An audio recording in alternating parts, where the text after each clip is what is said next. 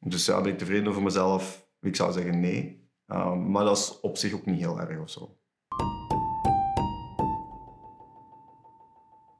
Maar dat is de moeilijkste. Dat, de, dat negatief stemmetje in uw kop.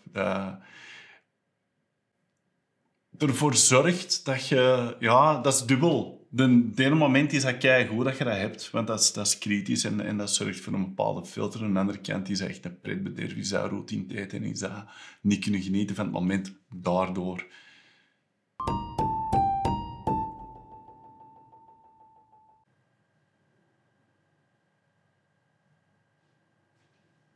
Dat maakt mij bang.